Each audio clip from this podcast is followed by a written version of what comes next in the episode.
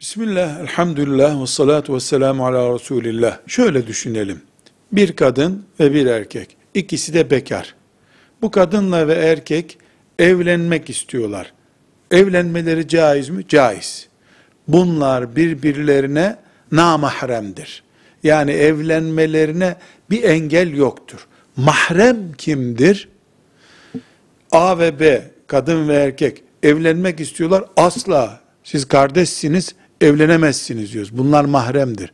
Bu senin anan olmaz. Bu nenen, teyzen, halan. Bu senin torunun, bu senin yeğenin.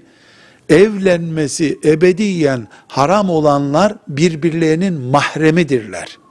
Ama geçici bir engel söz konusu olsa mesela e, baldız geçici olarak yasaktır evlenilmesi. Dolayısıyla o mahrem değildir.